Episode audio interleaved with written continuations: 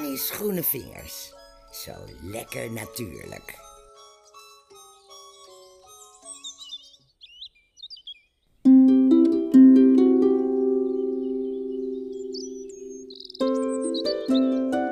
Ik vind ze prachtig. Het zijn naakbloeiers en ze zijn reuzen. Het groot hoefblad.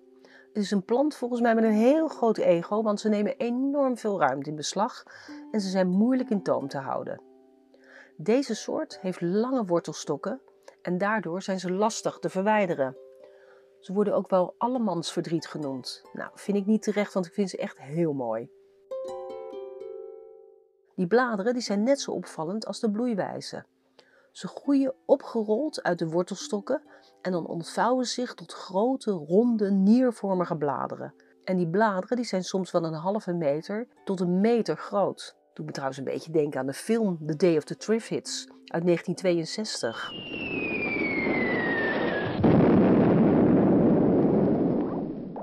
Het is een post-apocalyptisch science fiction verhaal. Er is een hoofdpersoon, Bill Mason. Dit wordt op een ochtend in mei wakker in een ziekenhuis in Londen. Hij herstelt van een oogoperatie. Maar de avond ervoor is de hele wereld getuige van een meteorietenzwerm. Maar er is wel een afschuwelijke bijwerking, want iedereen die het schouwspel bewonderde, blijkt blind te zijn. Nou, Bill die is bioloog en die vermoedt dat het helemaal niet ging om een meteorietenzwerm, maar om een geheim satellietwapen van de Verenigde Staten of de Sovjet-Unie. Nou, het blijkt nou, in die zwerm zaten planten, de Triffids. En dat is een hele bijzondere soort, want die zijn door de Sovjet-Unie genetisch gemanipuleerd. En ze hebben hele bijzondere eigenschappen. De mens kan er olie van hele hoge kwaliteit van oogsten, maar het kunnen ook hele grote planten worden wanneer ze niet regelmatig worden gesnoeid. En dan gaan ze zelf aan de wandel. Ze beschikken over een lange giftige angel waarmee ze levende wezens kunnen doden en als meststof gebruiken. Door te ratelen met hun stokken aan de stam kunnen ze met elkaar communiceren. Ze reageren op het geluid en roeien de blinden uit. Nou jongens, wat een verhaal. Ik dwaal helemaal af. Ik zit er helemaal in. Laten we even snel doorgaan naar het groot hoefblad. In de middeleeuwen werd het groot hoefblad Filet antrepatrum genoemd. Wat betekent dat de dochters, de bloemen, voor de vader, de bladeren tevoorschijn komen. De plant is hier in de middeleeuwen ingevoerd als geneeskrachtig plant. De gekneusde bladeren werden toegepast op pestbuilen en wonden. First, you feel a little poorly, and then you start to swell. Then you start to spit some blood, and then you really smell. Then you know it's time to ring your funeral bell.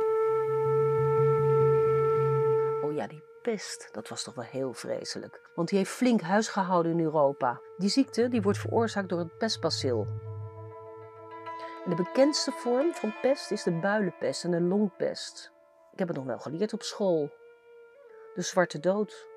Die waarde van 1347 tot 1351 rond in Europa.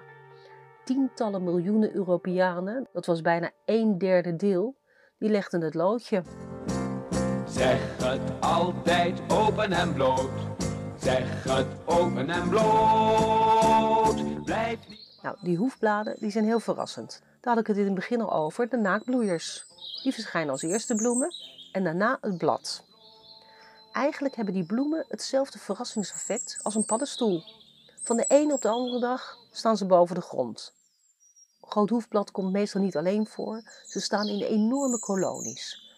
En die bestaan maar uit één sekse, of uitsluitend vrouwelijke of mannelijke planten. It's my new obsession. Yeah, think it's not even a question. De witte bloemhoofdjes die staan aan paarsrode stengels, waardoor de hele bloemtros een roze indruk maakt. De mannelijke planten bloeien met een vollere tros dan de vrouwelijke. Daar zou je ze aan kunnen herkennen. De plant is geneeskrachtig en ook giftig. De plant bevat namelijk pyrolysidine alkaloïden. En deze alkaloïden komen voor in meerdere planten van de composietfamilie. En die kunnen voor leverbeschadiging zorgen. De wortel van het groot hoefblad kan je wel gebruiken voor medicinale doeleinden. Maar pas wel op en ga niet in je eentje experimenteren. Schijn schijnt te helpen bij klachten als benauwdheid, hoesten, migraine, longziekte en zenuwpijn. Maar dan moet je het wel flink verdunnen. Mocht je het gaan gebruiken, ga dan even de leer bij iemand die er echt verstand van heeft.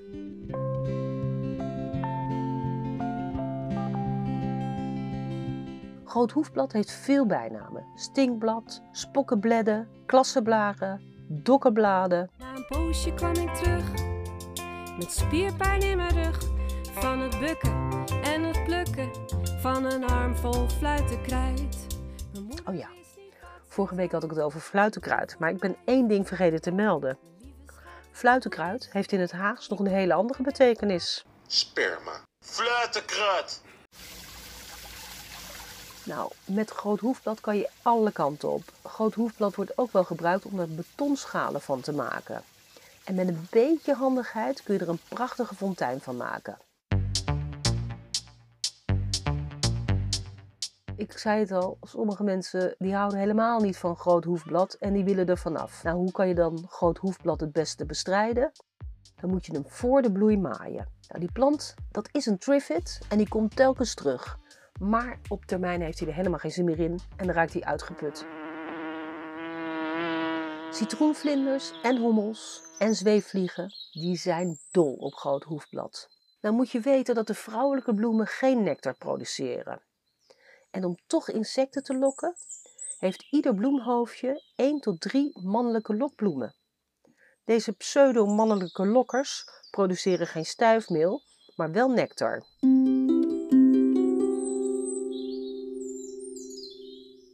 Groot hoefblad houdt van vochtige, voedselrijke, licht beschaduwde plekken. Dus eh, ze doen het lekker langs vijvers, sloten en kanalen. Nou, ik moet je zeggen, ik verheug me nu al op de lente. Om deze gigant als een triffid uit de grond te zien springen. Toedeledokie!